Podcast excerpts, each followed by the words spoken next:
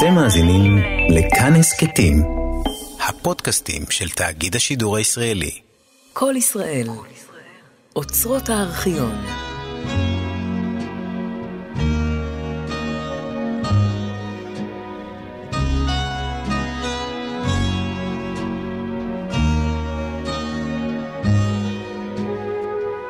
אלה הם חייך.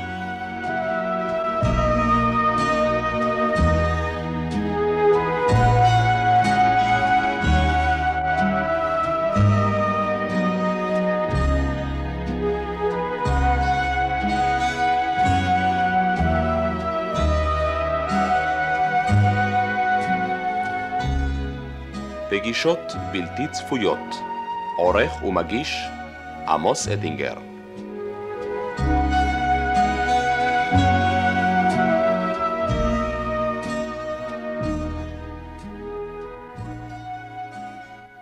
ערב טוב לכל האורחים שהגיעו לבית משפחת שרובר בירושלים.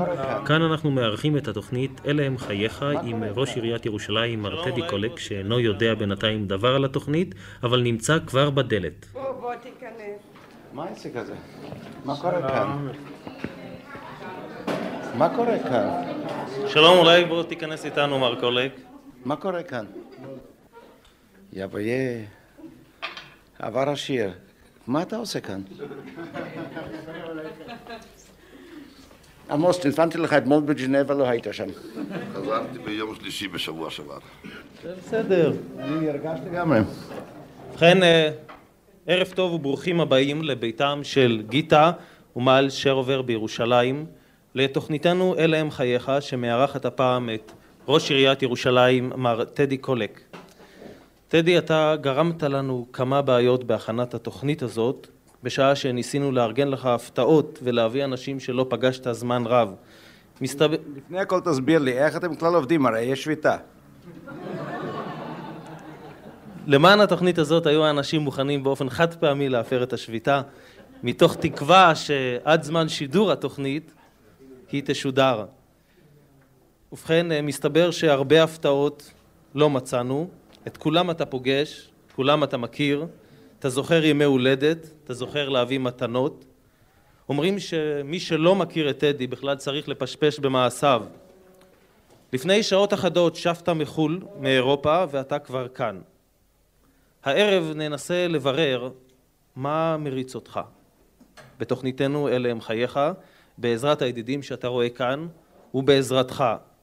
ונתחיל פשוט איתך עצמך. ממתי אתה זוכר את עצמך?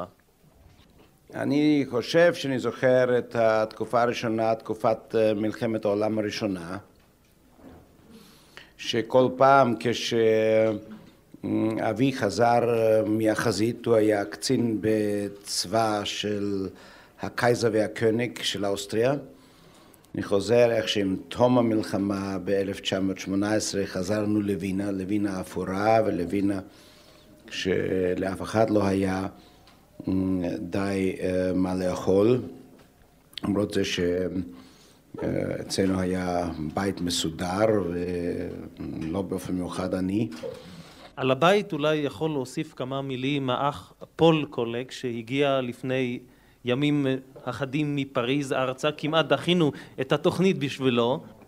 הייתה בעיה אחת בבית, היה רק חדר אחד לילדים וזה היה שלו.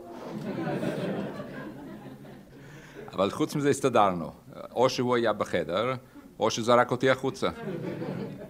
עם חברך מתנועת הנוער אפרה שלינגר, שלם היום מגבעת חיים, שיושב איתנו כאן, אתה מצטרף לתנועת הנוער הציונית שקמה באותו זמן.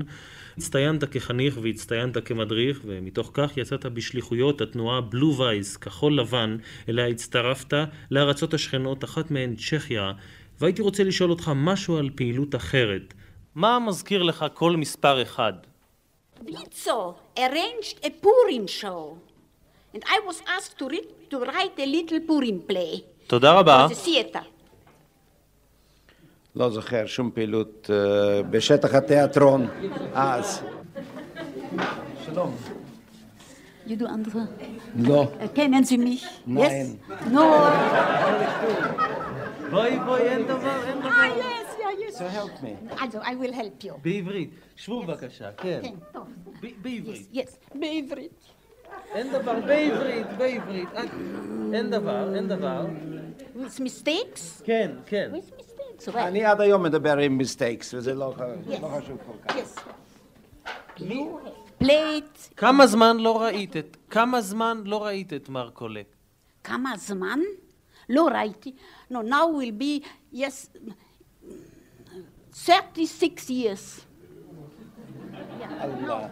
אתה יודע מי הגברת שנכנסה? לא, לצערי לא, שאני רוצה כבר שהיא תעזור לי. אני אומרת לך. You have been, אין דבר. yeah, you have been the Mordechai. And Dr. Joseph Rufeisen, no, his name you know. Of course. Of course. You have been in הכשרה at Morava Ostrava, נכון, in the home קדמה, נכון. נכון. And Joseph Rufeisen was very many time with you, and he told me, I have a boy, very, very, tell me, tell me. מוכשר, מוכשר. בשביל, this play, אולי רק רגע אחד.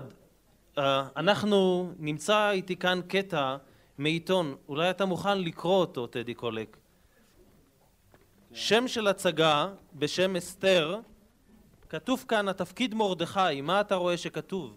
על יד מרדכי כתוב יהודי זקן טרי קולק.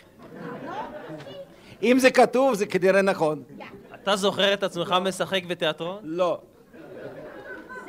אני לא מתבייש בזה, אבל העובדה שאני לא זוכר. to הגברת הרטה ברבר, היא כתבה את המחזה ששמו אסתר, ששם משחק טדי קולק בתפקיד מרדכי. כן. איך הוא היה שחקן טוב? Oh, I, no, no, no, no, no. I remember he played his part to perfection. עוד מעט ישמעו את זה כאן, אז ממי אה, שליט ייתן לי תפקיד בשנה הבאה בפסטיבל. אני מבין שהצגות לא היה חלק חשוב מהפעילות שלך, מר טדי קולק, עסקת בהדרכה בעיקר, והצלחת במחנה נוער בטרנסילבניה להעביר מחנה שלם שלא היה מוגדר לאף תנועה, לתנועת התכלת לבן, הבלו וייס. מה הייתה אותה תנועה? נשאל את עמוס מנור שיושב איתנו כאן, היה ידידך אז, וחבר באותה תנועה. קראנו לעצמנו בריונים, והיינו, עסקנו בעיקר בספורט, ולמחנה הזה הגיעו כל כך הרבה שליחים מהארץ, ממש שרצו כמו זבובים מסביבנו. הליטו אותנו באידיאולוגיה, באידיאולוגיות, וזה בערך, זה עניין אותנו כקליפת השום. כולנו עסקנו, רובנו עסקנו בספורט, והתעניינו באותם העניינים שבחורים בני 15 מתעניינים. אני זוכר את היום שטדי הגיע, ואפילו הופעתו הייתה שונה לחלוטין מכל אותם השליחים שהזכרתי. אלו היו מלובשים בצורה רשלנית, וטדי בא לבוש כמו צופה ממ- ממרכז אירופה, מכנסיים קצרים, מזמש, לימד אותנו ג'יו ג'יצו. נכון מאוד, ג'יו ג'יצו. ואני נדמה לי שהייתי התלמיד הכי חרוץ שלו. על כל פנים, אחרי יומיים שלושה, נדמה לי שאנחנו, הנערים, החלטנו פה אחד שנצטרף ל...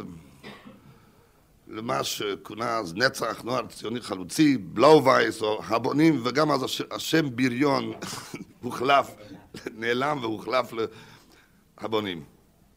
לפני עלייתך ארצה אתה עוד שב לווינה, שם נמצא איתך מר ראובן דפני, מי שסיים עכשיו את תפקידו כקונסול ישראל בבומביי ויוצא בימים הקרובים לשמש כציר ישראל בניירובי, בקניה.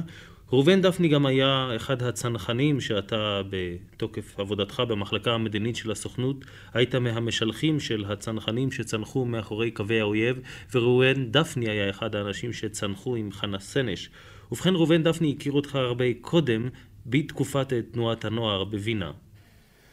היינו פעם אה, בצ'כוסלובקיה באיזה כנס של תנועה, אני זוכר, אתה רואה את זה לפניי, אה, אולם אה, די גדוש מחברי תנועה ובמה עם הנשיאות וטדי עמד על הבמה שנשען על הקיר ופתאום בוויכוח קיבל רשות דיבור.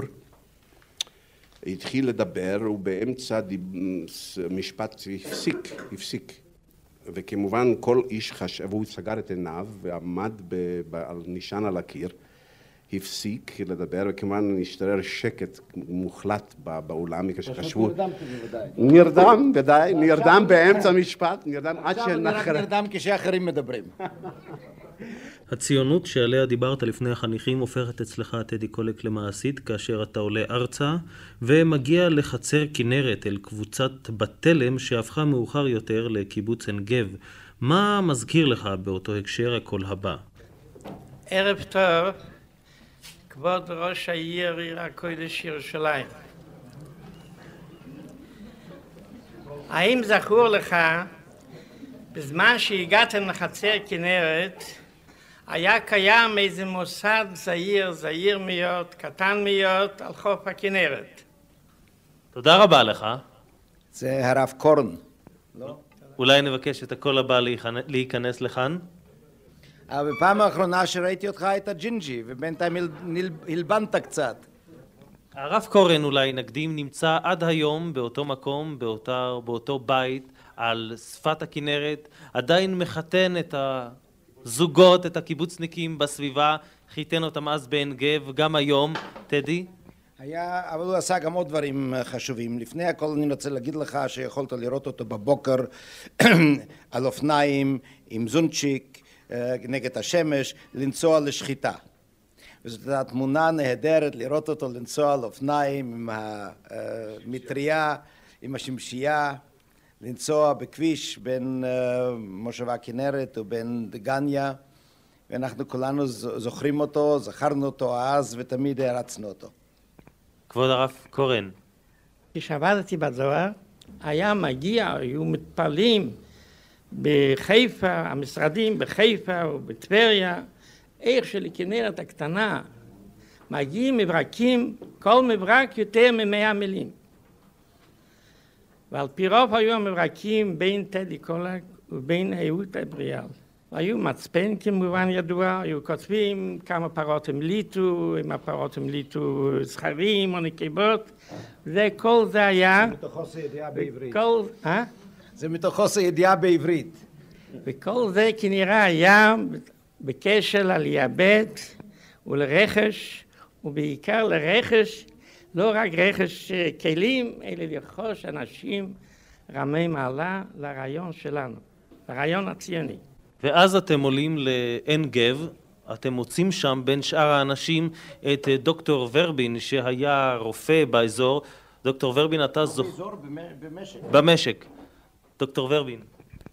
באחד הימים, זה היה ב-1940 אני חושב, בא איזה גנרל שאחראי היה לאזור, אינני זוכר מה שמו, אולי אתה טדי זוכר את שמו. באקר.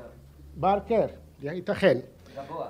כן, ובא איתו בן גוריון, וטדי ליווה אותו, וסיירו בעמדות, ואני כרופא המקום, אחראי לבריאות הציבור, נלוויתי לאנשים, והראיתי את כל האמצעים שישנם לעזרה ראשונה. והנה אותו גנרל התחיל להתנדנד, לזוז ממקום למקום, לנוע ממקום למקום, ממקום למקום. וטדי אז הראה את כישרונו ביחסי ציבור, ואמר, שע, חבר'ה, תעמדו בצד. הגנרל צריך משהו. ואומנם הגנרל צריך היה משהו, הוא זז הצידה, ואז אני זוכר את המילים של בן גוריון. אויר גנרל מוזן פישן. אתה זוכר את זה? אמנם היום יש איחוד ירושלים, בזמנו היה חלום של איחוד הגולן. אני זוכר קבוצת אה, חברים של עין גב, וביניהם כמובן טדי קולה, כי ממסיבות כאלו הוא אף פעם לא נרתע, בפרט מה שהיה קשור עם אוכל טוב.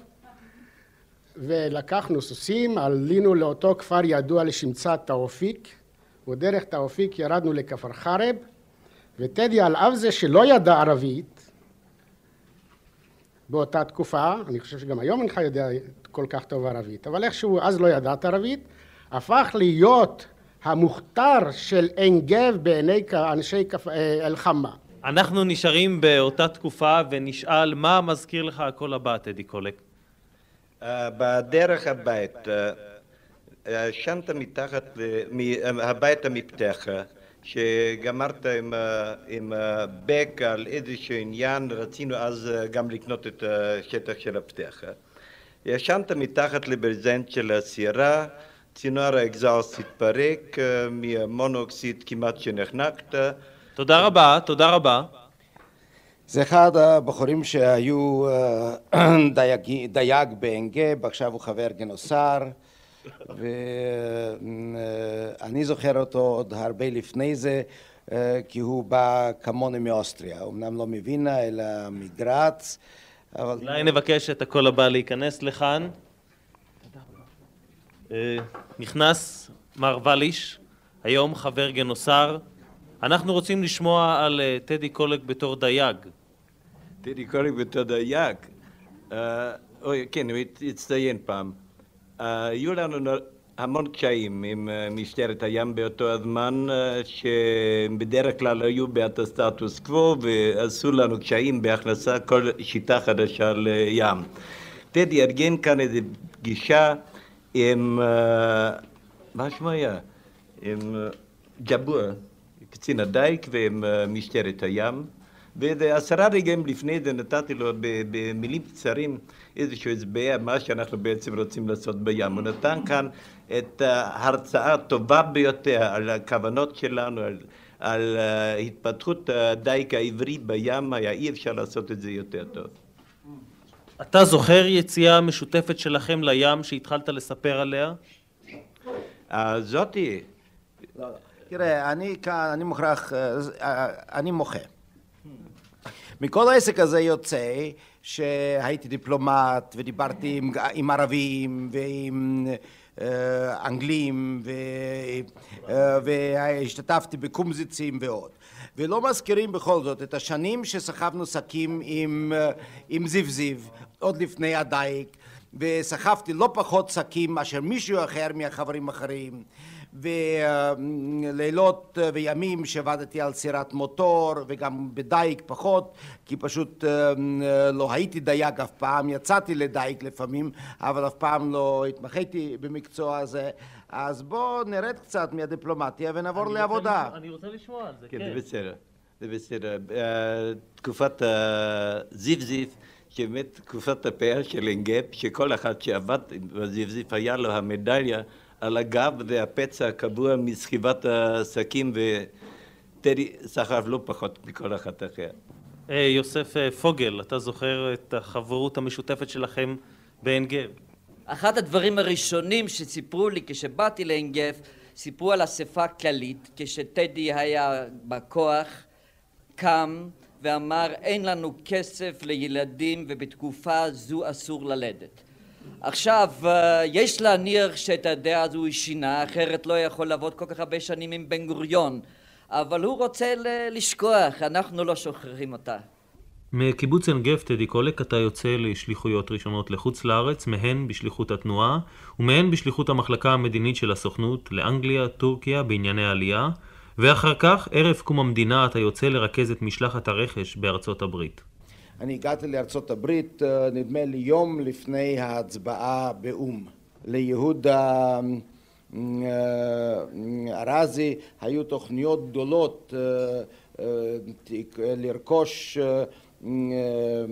לרכוש aircraft carrier, איך קוראים לזה בעברית? נושאת מטוסים. נושאת מטוסים, לשים עליה לכל הפחות שלושת אלפים חיילים, הרבה ציוד, ולהגיע ביום הכרזת המדינה ב-15 למאי עם בריגדה של חיילים יהודים מאומנים עם אווירונים ועם תותחים עם האונייה הזאת לארץ. חיש מהר התברר שחלומות אלו מבחינה פוליטית היו בלתי אפשריות, בקושי נמלטו בכל הדברים האלו מה-FBI והיינו צריכים להתחיל, ואז בתקופה הזאת שלח אותי בן גוריון לשם לתאם את העבודה ולשים אותה על בסיס אחר וכפי שאמרתי הגעתי לשם בנובמבר והתחלנו בכמה פעולות. איך, רכשת, איך רכשתם נשק? אולי עזר לך בזה צבי ברנר, חבר אפיקים, איך רכשתם נשק? ראשית כל צריך לדעת על מה מדובר. לא מדובר על פנטומים. היה מדובר למשל על פייפרים. הפייפרים אז או מה ש... או P-47, שזה היה איזה דגם אה, ממלחמת העולם השנייה של אה, אווירון קרבי, או 86, שזה היה איזה דגם אה, של אווירון לימוד. אלו הם אווירונים קטנים שאפשר היה אה, לרכוש אותם ב... אה, במספר גדול בפרוטות כדברים שנשארו כעודפים ואנחנו התעסקנו בזה לפרק אותם, להוריד להם את הכנפיים, להכניס אותם לארגזים כצריפים טרומיים ל- לקליטת עלייה או כטרקטורים והיו לנו אז יחסים אה, טובים עם אה, כל אנשי אה, אה, הנמלים. אה, הם היו בייחוד אירים שראו בזה מלחמה נגד, אה, נגד הבריטים. אחר כך התעסקנו באוסף של, אה, אה, של נשק קטן, אקדוחים ומכונות ירייה, בודדים כאלו ואחרים שאנשים החזיקו בבית כסובנירים מהמלחמה. לא, לא עברנו לעניינים אחידים. הדברים הגדולים היחידים שבהם התעסקנו היו הוצאת כמה Constellations שאחר כך היו התחלת הצי של אל על כשאל על נוסד ושלושה מפציצים, ארבעה רכשנו, רק שלושה הצלחנו להוציא, הרביעי יושב עוד באזורים, הוא נתפס שם. בזה בעיקר היה פעיל על שווימה שהיום מנהל את אה, בדק אה, בלוד, מה? תעשייה אווירית והתעסקנו ברכישות גם אה, בקנה מידה יותר גדול מארצות אה, דרום אה, אמריקה, ממקסיקו, אה, מניקרגואה, לא כל כך רכישה מניקרגואה, מאשר רישיון מנשיא ניקרגואה דאז לקנות בשבילו נשק באירופה ואחר כך הנשק הזה יצא מאירופה כאילו לגואטמלה והגיע כאילו לניקרגואה והגיע אה, בדרך מסתורית אה, לארץ. צבי, צבי ברנר. הקושי כמובן, הקושי כמובן היה הוצאת הנשק. אה, נתפסו כמה אווירונים שלנו והייתה בעיה איך להוציא אותם. ובאו הבחורים האמריקאים, ובאופן מיוחד אל שווימר וליאו גרדנר, שבאו לטדי עליי ואמרו בואו נוציא את האווירונים האלה בצורה מיוחדת. זאת אומרת להוציא אותם, ואני לא יכול פה לספר את הכל, וזה היה ערב חג, אה, חג המולד, או ניו ירס, וצריכה להיות מסיבה במקום הזה, החליטו שהחבר'ה שלנו ייכנסו שם למסיבה ויעלו על אווירון ויטוסו איתו. אנחנו בשתיים בלילה הלכנו להתייעץ עם איש שעמד לרשותנו, זה נאום ברנסטיין וליאו גרדנר ואל שווימר, שנאום ברנסטיין אמר אה, אה, לאל, אתה יודע שאפשר פה לקבל כדור בדבר כזה? אז הוא אומר, אני מוכן לקבל את הכדור אם האווירון הזה יגיע ארצה. אנשים רבים עסקו בפעילות הרכש הזאת, טדי קולק, מהם יהודים, מהם לא יהודים. ניסינו להביא כמה מהם לכאן, לא יכלו להגיע מחמת המרחק, אוקיינוסים מפרידים בינינו. בכל אופן ניסינו להשיג אותם, וביקשתי מהמרכזייה הבינלאומית להשיג לנו, ונשאל מה אומר לנו הקול הראשון מעבר לים. Go ahead, please. Hello? Hello? Teddy? Yes? How are you, Teddy? Who are you? Bring you greetings from across the oceans and the seas. I know. I know, Teddy, that you have thousands of dear friends and well-wishers in the United States. And I'm not supposed to reveal my identity. That's very bad. I'm going to direct your attention to the western part of the United States. thank you, just a moment please. אני קורא לך מעבר לאוקיינוסים ולים, אני יודע שיש לך אלפי חברים מן הזמנים ההם באמריקה, ואיני מצפה שתזהה אותי מיד. אני מהצד המערבי של ארצות הברית, זה היה מהתקופה שזה היה הזמן של חייך בשנת 1948, תקופה שכולנו זוכרים אותה, כשאתה הנהגת את פעילות ההגנה במלון 14 בניו יורק סיטי, ואולי תזהה מי אני. Teddy? Yes? There was a time in your life, I think the year was 1948, and it was a very memorable year. Indeed. Now, you may recognize who I am. But what did you do then? Who's that? Well, listen and you will hear. טדי, אתה מצליח לזהות מי זה? לא. אני מבקש. Now, we would like to hear your name, please. You're trying to hear my name. Yes, sir. Well, I would like the mayor to recognize the name in a moment. אתם רוצים לזהות את שמי? רק רגע. אני אתן לראש העיר שיזהה את שמי בן רגע. Teddy, Yes. When the ship was placed under embargo on orders of the United Nations because of the embargo to the Middle East, Who is this, Hank? yes, it is. ובכן, טדי קולק מזהה אותו, זהו האנג גרינשפן מלאס וגאס, אחד האנשים הידועים שם, בעלי עיתון, טלוויזיה, קשור בשולחנות ההימורים, וטדי לא יכול שלא לשאול אותו מה המצב ברגע זה בשולחנות ההימורים. Hank, how, how are the tables today? The tables are good, Teddy. Isn't that remarkable? You remember. Good. Listen, Teddy. I, I'm down at the Newport Beach right now on vacation, and I was talking to Art Linkletter. You remember Art Linkletter? Of course I remember Art. Great personality here. And you actually, whenever good people meet anywhere, the discussion turns to the beloved state of Israel and its welfare. אני נמצא עכשיו בניופורט ביץ' בקליפורניה עם עוד כמה אנשים שאתה זוכר בוודאי, וכאשר כמה אנשים טובים נפגשים על מה הם מדברים, כמובן על ישראל. Hank, tell, Hank, tell me, how's the family? How are the children? The children are wonderful. They're just great, and Barbara sends her love. How can we get money for the Armenians from Krekorian? Oh, I'll write you about this, Hank. listen, I have a scheme. I'll write you about this. Kerkorian is a great contributor to United Jewish Appeal. Very good, but I want him to do something for the Armenians in Jerusalem as well. Now you want to do it for the Armenians? I will talk to him. You know, I'll write to you about it. טדי קולק, אפילו את השיחות של כל ישראל מעבר לים אתה מנצל אה, לטובת העסקים שאתה קשור בהם, והפעם זה למען הארמנים. בכל אופן, התוכנית היא לכבודך, ואנחנו ניתן לך את ההזדמנות הזאת. Do come soon. You haven't been for quite some years. I will see you in Israel soon. Good. And give my best to Barbara. I, she, I certainly will. All the best. Goodbye. Bye, Teddy. Thank you, האנק. הנק גרינספון היה רב סרן, ב...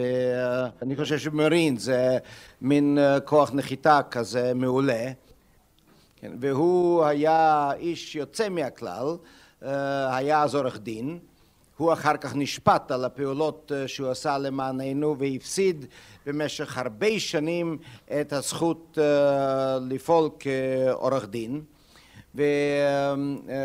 ורק אחרי הרבה שנים, גם בעזרת ידידים שלנו, אולי עשרים שנה אחרי זה, שמונה עשרה שנה אחרי זה, קיבל חנינה, ומתוך זה שוב קיבל את הזכות אה, אה, שוב להצביע ולבחור ולהיבחר.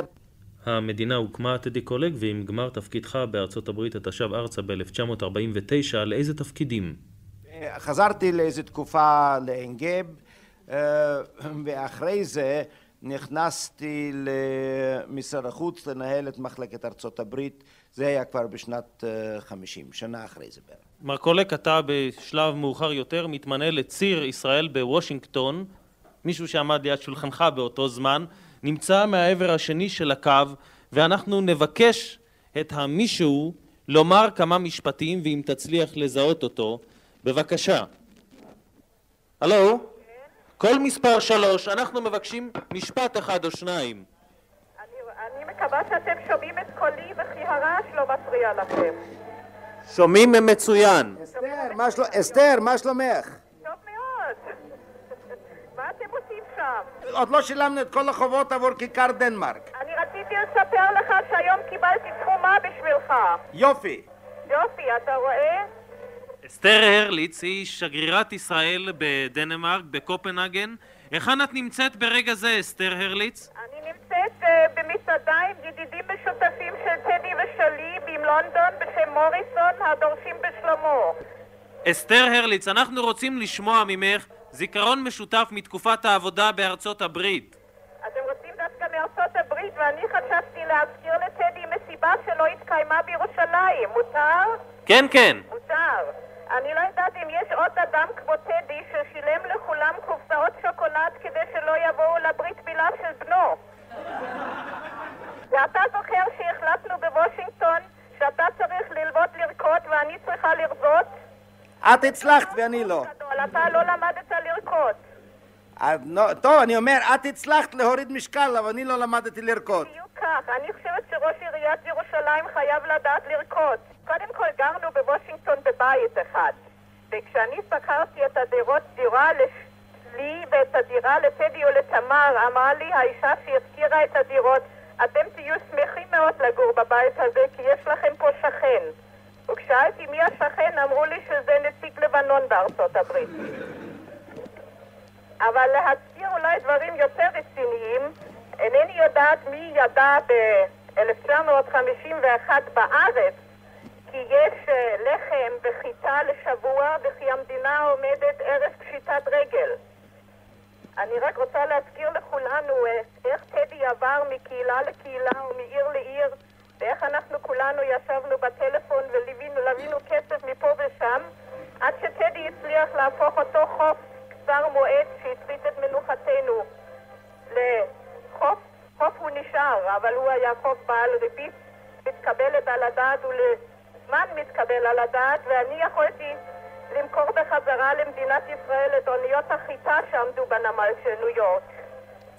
נדמה לי שאנחנו ידענו אז בוושינגטון יותר על המצב הפיננסי של מדינת ישראל מה שידעו אזרחיה היא.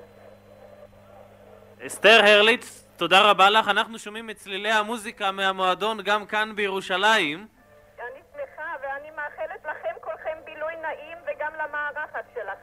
תודה רבה, תודה רבה לך. שלום ולהתראות. אסתר, כל טוב, להתראות. איך מגייסים כספים? יושב כאן אה, לידינו ממי דה שליט, מנהל משרד התיירות היום. אז ישב על ידך בשולחן השגרירות, הצירות בוושינגטון. ממי, אה, אנחנו קוראים לזה שנור אולי, אבל מה השיטה? איך פונים אל יהודים? איך ראית את טדי פונה אל יהודים ולוקח כסף? אני חושב שהוא נכון באיזו תכונה מיוחדת ליצור אה, קשרים אה, באופן אה, קל. איך? אני זוכר למשל שקבעתי עם טדי פגישה פעם לארוחת בוקר בניו יורק וחיכיתי וחיכיתי לשווא ואחר כך תפסתי אותו בטלפון והוא התנצל ואמר כן, נכון, אבל ברטלי קראם סידר לי פגישה עם קרדינל ספלמן ואני שואלת איך הגעת לקרדינל ספלמן אז הוא אומר אני שמעתי שקרדינל ספלמן אוסף בולים אז uh, מצאתי את uh, הסדרה הראשונה של דואר עברי והבאתי לקרלו ספלמן את הסדרה הראשונה של בולי דואר עברי ויחד עם ברטלי קראם אכלנו ארוחת uh, בוקר. אז היום זה נשמע אולי דבר שגרתי, אבל באותה תקופה להגיע לקרדינל ספלמן היה קשה מאוד ונדמה לי שטדי היה הישראלי הראשון שפרץ את הדרך והגיע אליו. הייתה לו גם תכונה, וקיימת עד היום הזה, אה, להגיע לאנשים בדרכים אה, לגמרי בלתי מקובלות. להרבה אנשים בשגרירות היו קשרים, אבל ההבדל היה אם יכולת להגיע למשל לביטל סמית בשעות העבודה, או כמו שטדי יכול היה להגיע אליו כשהוא היה סגן אה, שר החוץ, להגיע אליו ב-12 בלילה או ב-1 בבוקר כשהיה איזשהו משבר. ובתכונתו, איך זה תשאל אותו איך הוא עושה את זה, לא היינו יודעים, היינו עושים כמוהו. אבל יש לו התכונה הזאת של קשירת קשרים לבבית, הוא גם יודע להיות איכשהו בזמן הנכון במקום הנכון. אני זוכר שליוויתי אותו פעם לאיזה בית מלון והתכוננו לצאת יחד בניו יורק, ואיכשהו בדיוק כשעלינו למעלית, הוא פגש ב... בסטיבנסון. והיא אומר לי, ממי, חכה לי כמה רגעים, אני עולה לסטיבנסון. חיכיתי בערך איזה שעה, אחר כך השתלקתי, אני מבין שהם ישבו שם שלוש-ארבע שעות בחדר של סטיבנסון. איך זה קרה בדיוק, דווקא במעלית, אינני יודע, אבל יש לו התכונה הזאת. להיות במעלית הנכונה. להיות במעלית, יש לו תכונה, למשל, שהוא הלך ליום הולדת של הנשיא קנדי, ומיד לאחר יום ההולדת הזאת הלך למסיבה שערכו לאייזנהאואר. אז כך שבערב אחד להיות במסיבה של שני נשיאים, או קנדי היה אז נשיא, אייזנהאואר כבר היה אחרי הנשיאות, אבל אחד דמוקרט ואחד רפובליקאי, זה יכול לעשות טדי. וזאת תכונתו, בזה, בזה. טדי, אתה זוכר שתפסת אנשים בדרכים לא מקובלות, נקרא לזה כך? כמה שיטות שהשתמשת בהן אולי אתה מוכן לגלות? פשוט צריך לזה איזה מידה מסוימת אה, של חוצפה לפעמים, או להאמין שהעניין די חשוב.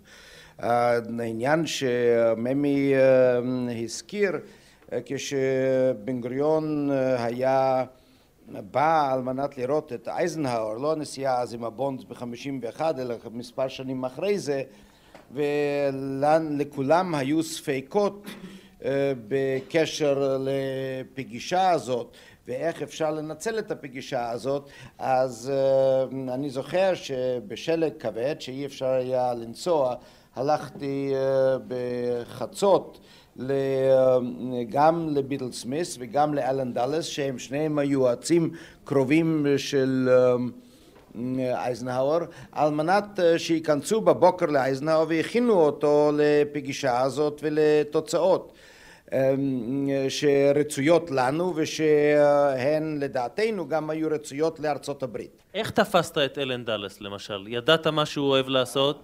אלן דאלס אני מכיר הרבה שנים. הוא היה ראש שירותי הביון האמריקאים. הוא ואני השתתפנו שנינו, ב...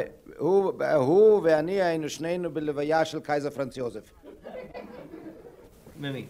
לא, אני לא זוכר את אלן דלס, אני אמנם השתתפתי עם טדי בכמה שיחות ואני זוכר שכל שיחה הייתה מתחילה בלוויה של פרנץ ג'וזף. אבל, אבל הייתה אפיזודה אחרת עם אחיו של אלן דלס, עם ג'ון פוסטר דלס הייתה, שהיה שר החוץ האמריקאי. וטדי הגיע מהארץ לישיבה קטנה ומצומצמת, זה היה בביתו של אבא אבן היה שם נדמה לי ראובן שילוח, בכל אופן לא יותר משלושה או ארבעה אנשים. טדי ישב על יד שולחן קטן מולו של פוסטר דאלאס ונרדם באמצע, באמצע השיחה. והאפיזודה הקטנה הזאת שהתפשטה בכל וושינגטון, אני חושב שעשתה לו יחסי ציבור טובים מאוד עם ג'ון פוסטר דאלאס. מכל מקום אתה יוצא, נדמה לי, ללמוד בארצות הברית. הרעיון מצא חן בעיניך ונסעת לבוסטון. לתקופה קצרה. זה לא החזיק מעמד יותר מחודשיים. אני חושב שלשבועיים נדמה לי, לא לחודשיים. אליי זה הגיע יומיים. ו... בכל אופן המשפחה נשארה שם חודשיים.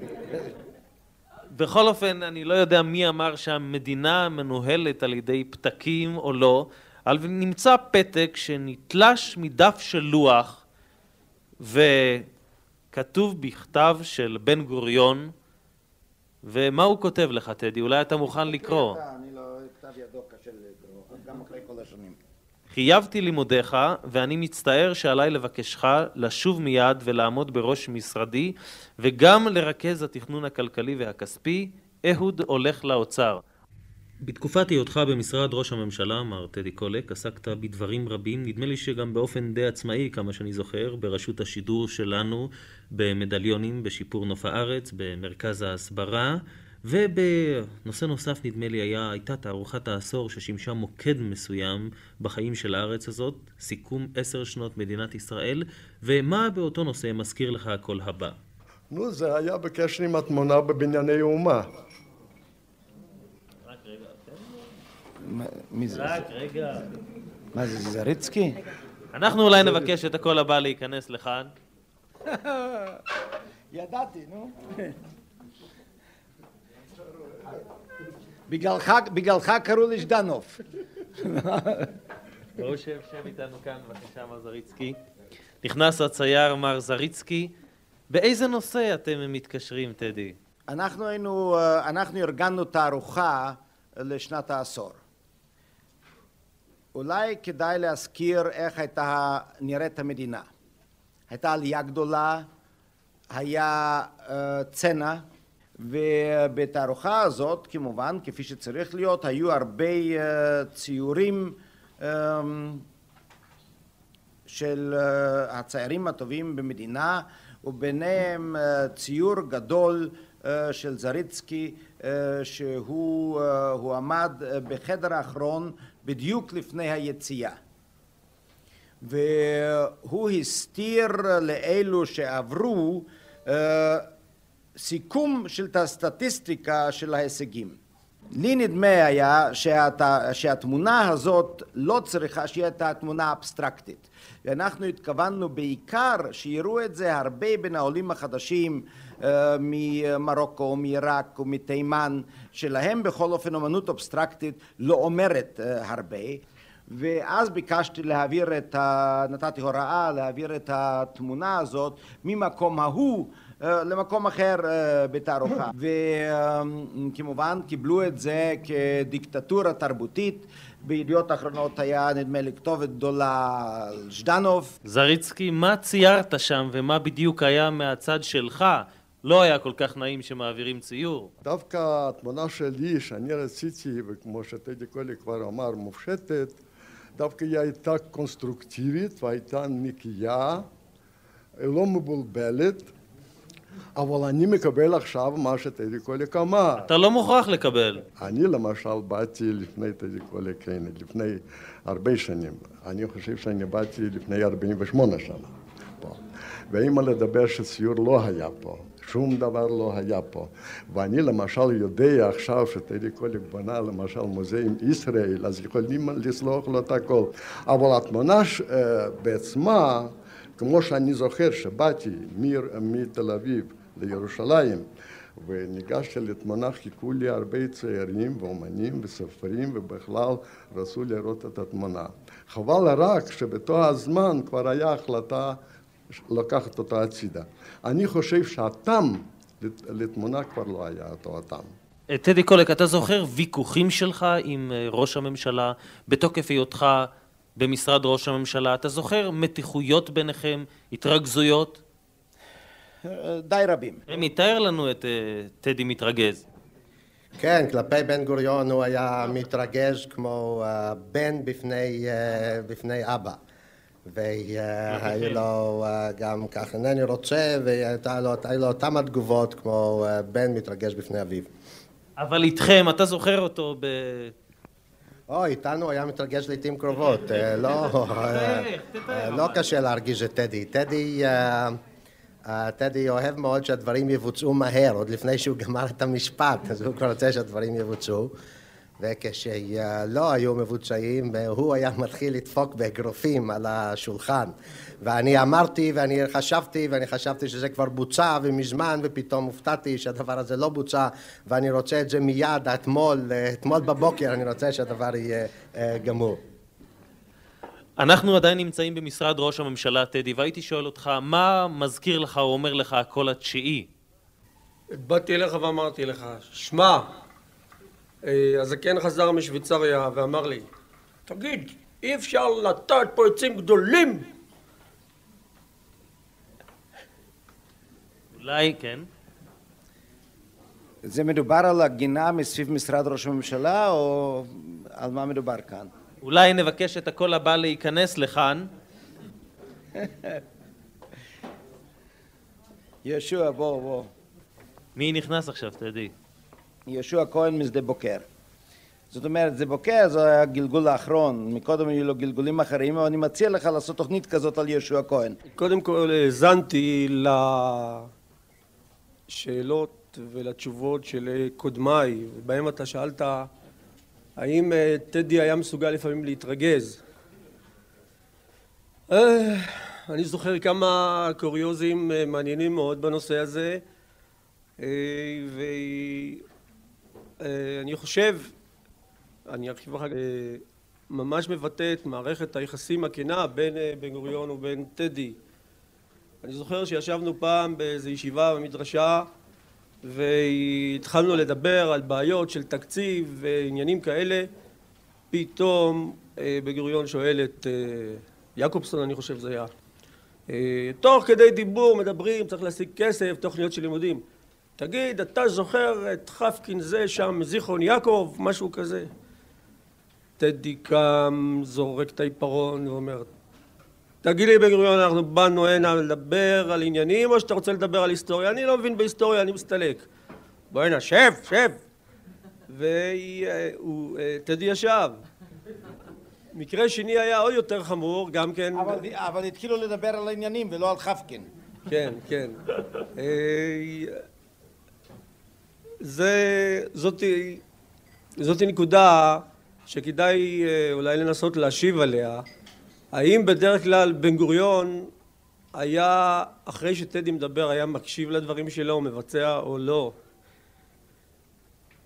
הרגשתי שבעניינים עקרוניים, רציניים, בן גוריון זה לא קיבל עצות מאף אחד. אני חושב שעשה מה שהוא רצה. אבל היו מספר דברים, והם קשורים בעיקר לנושאים שהם היו בתחום משרד ראש הממשלה ומשום מה הם לא כל כך עניינו אותו כמו תיירות, יחסי ציבור ודברים כאלה ואז הוא היה סומך על uh, טדי בהחלט. אני פה מוכן לגמור חשבון עם טדי בנושא שאותי מאוד מאוד הרגיז, היה בעיה של ההמנון האמריקאי בפתיחה של uh, היכל התרבות, אתה זוכר את העניין הזה? ובכן זה היה, אני חושב, מקרה יחידי במשך כל תקופת עבודתי עם בן גוריון שאני ממש העברתי שיחות, אני לא, אני עוסק בנושאים אחרים הקשורים בבן גוריון, אבל לא, לא הייתה אז ברירה והיא הייתה בהלה. אה, ובכן היה דבר כזה, אה, פרידיק מן דרש, נוסף להמנון שלנו, כן, נוסף להתקווה, יושר שם גם ההמנון האמריקאי ובן גוריון סירב. ואז התחילו טלפונים הלוך ושוב, טלפונים הלוך ושוב, ובן גוריון התעקש, ובסוף אה, זה נגמר כך שטדי הודיע שאם אה, בן גוריון התנגד לעניין הזה, אז פרידריק מן לוקח אווירון, והבחור ההוא היה מסוגל לשכור אווירון, זו לא הייתה בעיה בשבילו, והוא אה, מתפרפר, כמו שאומרים, ישר לארצות הברית. והם נסעו. התשובה מבן גוריון לא קיבלנו, אבל אם מותר לי לומר את דעתי האישית, אה, אני מאוד הצטערתי לשמוע ששרו את ההמנון האמריקאי ובן גוריון עמד דום גם בזמן זה. כך שבמקרים כאלה אה, הוא בהחלט היה נוטה לקבל את אה, דעתו. אולי באותו הקשר רק מצוי בידי מכתב משדה בוקר, שלישי לעשירי חמישים ושבע, טדי יקר. לאחר שניצחתני בעניין, בעניין ההמנון האמריקני ואיני מצטער על ניצחונך למרות עיתוני הערב הרי אני שולח לך רשימת ספרים, אני מקווה שאפשר לקרוא את הכתב שלי, שרובם יש להשיג בלונדון, מקצתם בניו יורק ואחד בפריז, ומוסיף פה רק למען החברה אני אומר, ברנר מאפיקים סחט ממני אתמול הסכמה לבוא לוועידת האיחוד בתל יוסף ולהרצות, בסוגריים, על מה ריבונו של עולם? שלך בן גוריון. כן, יהושע כהן. בן גוריון יהודי קמצן בלהגיד תודה, בלשבח. אתה יכול לעבוד ולעבוד ולעבוד ולעבוד. הוא יעריך את עבודתך ויכבד אותה ויעריך אותך. אבל תן לפעמים לבן אדם משהו ככה אישי, מקובל. בקושי בקושי אתה יכול אה, להוציא את זה. ואתה צריך לעבוד אה, בתנאים כאלה. דבר שני, לא קל היה לעבוד אה, עם המשפחה הזאת, ולא פעם יצא לטדי עם דמעות בעיניים לעזוב את הצריף בטריקת דלת, ואני פה לא רוצה לדבר על שני היהודים האלה, סוף סוף אה, עושה רושם שלא בן גוריון ולא טדי מתכוננים בכלל אה, לגמור עם חייהם, ועוד ידברו בהם, אבל אני חושב שזה אחד הדברים הבולטים שלמרות המערכת הזאת של הסבל זה אף פעם אה, לא פגם. עם סיום תפקידך במשרד ראש הממשלה אתה יוצא לכמה עיסוקים פרטיים ושב והופך להיות ראש עיריית ירושלים. מירושלים כמובן אפשר להביא לך קולות רבים, קולות שאתה פוגש בהם אבל אני הבאתי לך קול אחר, קול שקשור במאורע מסוים, מלחמת ששת הימים, שהפכה ושינתה את פני ירושלים. אולי נבקש לשמוע את הקול הבא בבקשה. את הקול לבטח לא תזהה, אבל אני בטוח שאת המעמד תזכור. הזמן, חודש אחרי מלחמת ששת הימים, אחרי שהעיר שוחררה ואוחדה מחדש. המקום, בית העירייה, אחר הצהריים, בין ישיבה לשנייה, הצבעים כחול, לבן ולהבדיל אדום. לא קושר את הצבעים. אנחנו נבקש את אה, האיש שנושא את אחד הצבעים האלה על ראשו על כתפו להיכנס לכאן בבקשה. ובכן אה, נכנס סגן אלוף עוזי שהיה מי שהוביל את אחד מגדודי הצנחנים שפרצו לעיר העתיקה כשאנשים שלו, מה עשו האנשים שלך בעיר העתיקה? הם אה, לחמו בעיר, ואחת הפלוגות הניפה את הדגל על הכותל, למעשה. אה, למעשה, את אה, טדי ראינו גם אה, בין הזמנים, זאת אומרת, באותו יום של כיבוש ירושלים, אבל מהמעמד שהזכרתי אותו, היה שהחלטנו שהדגל, שהוא למעשה נלקח ממשפחה ירושלמית בערב שבו תכננו את, ה, את הכיבוש, ונתלה והונף על גבי... מה זה נלקח ממשפחה ירושלמית? אתם ידעתם שאתם תגיעו לכותל? אה, לא, אבל הם כנראה ידעו, כי הם נתנו לנו את הדגל ואמרו תיקחו אותו, ולקחנו אותו. ואחר כך כשהגענו לכותל, זה היה הדגל היחידי שהיה בגדוד ברשותנו. ואיכשהו התגלגל לאותה פלוגה ולאותו כוח ולאותו יורם זמו שהניף אותו יחד עם סטמפלי המנוח על הכותל עצמו. אחר כך החלטנו שהדגל הזה זכותו להישאר בירושלים. ובאנו לטדי, מצאנו אותו בין הישיבות, ואמרנו לו שאנחנו רוצים לתת את הדגל במתנה לעיר. ונתנו לו אותה בצרמוניה מאוד מאוד פשוטה עם לחיצת ידיים. וזהו, מאז אה, אני לא יודע מה קרה לאותו אה, דגל. טדי. בכל אופן הדגל נשמר אה, בירייה והוא לכבוד לנו. שבת היום לירושלים, יצא לך לא רק היום, אתה שב לפעמים לעיר. חל איזה שינוי מאותו רגע שנכנסת? כיצד היית, ברור שחל שינוי, אבל כיצד היית מצליח לבטא את השינוי כאחד האנשים שנכנסו לעיר העתיקה אז, למה שנעשה היום? אי אפשר לתאר את זה במילים. א', זאת הרגשה נפלאה, וכל פעם שבאים מחדש, וכל פעם שעולים על הגבעות מסביב, וכל פעם שיורדים לעיר ומקיפים את החומות, אז זו הרגשה שאי אפשר לתאר אותה במילים. אני בטוח שלכל אחד, ועל אחת כמה וכמה, לנו שהסתובבנו ושפכנו את הדם שם.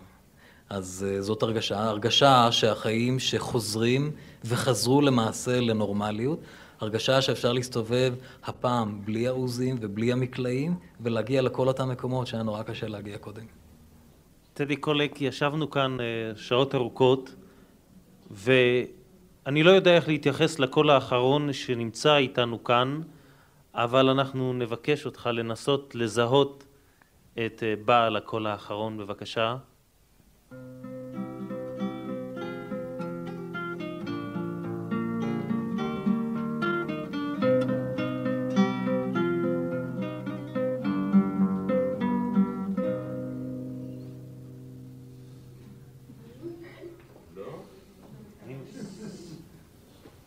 אנחנו נבקש. שולי? נו. אולי נבקש את בעלת הקול האחרון להיכנס לכאן בבקשה. שב שב. אני, אני, אני, אני. מי נכנסה עכשיו, טדי? זה שייך לתכונות שלי בתור נביא. אבל נדמה לי שאז אה, ניבאתי לשיר הזה עתיד גדול. בלי כישרונות מוזיקליים אמרת את זה. בלי כישרונות מוזיקליים, והנה אה, זה התגשם. שולי, את זוכרת כשקיבלת את השיר, מה היה יחסך אליו? האם כשקיבלת אותו חשבת שהוא יגיע למה שהגיע? אה, התייחסתי אליו אה, בעצם ברגשות די מעורבים, כי קודם כל את ירושלים אני נורא נורא אוהבת, ואני גם מתגוררת בה. ו...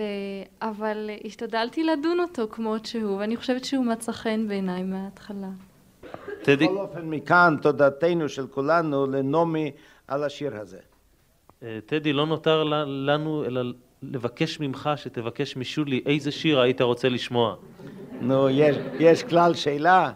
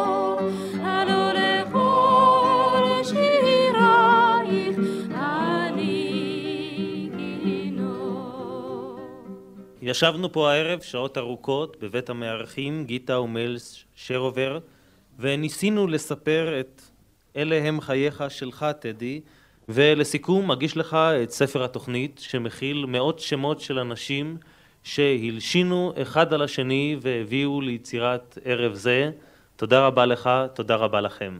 אך בבואי היום לשיר לך, ולך לקשור כתרים, קטונתי ומאחרון המשוררים.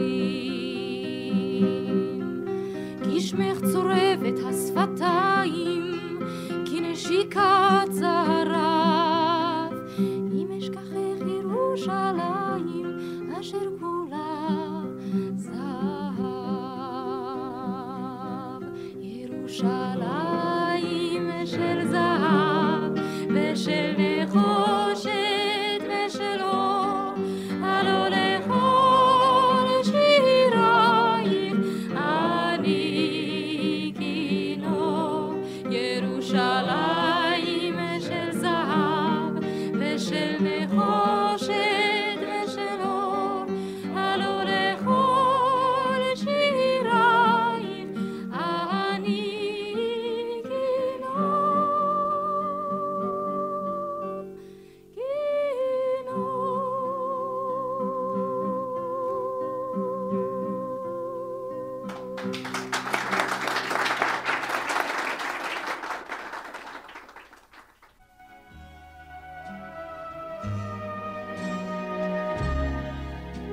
האזנתם לתוכניתנו אלה הם חייך, פגישות בלתי צפויות. ערך והגיש עמוס אטינגר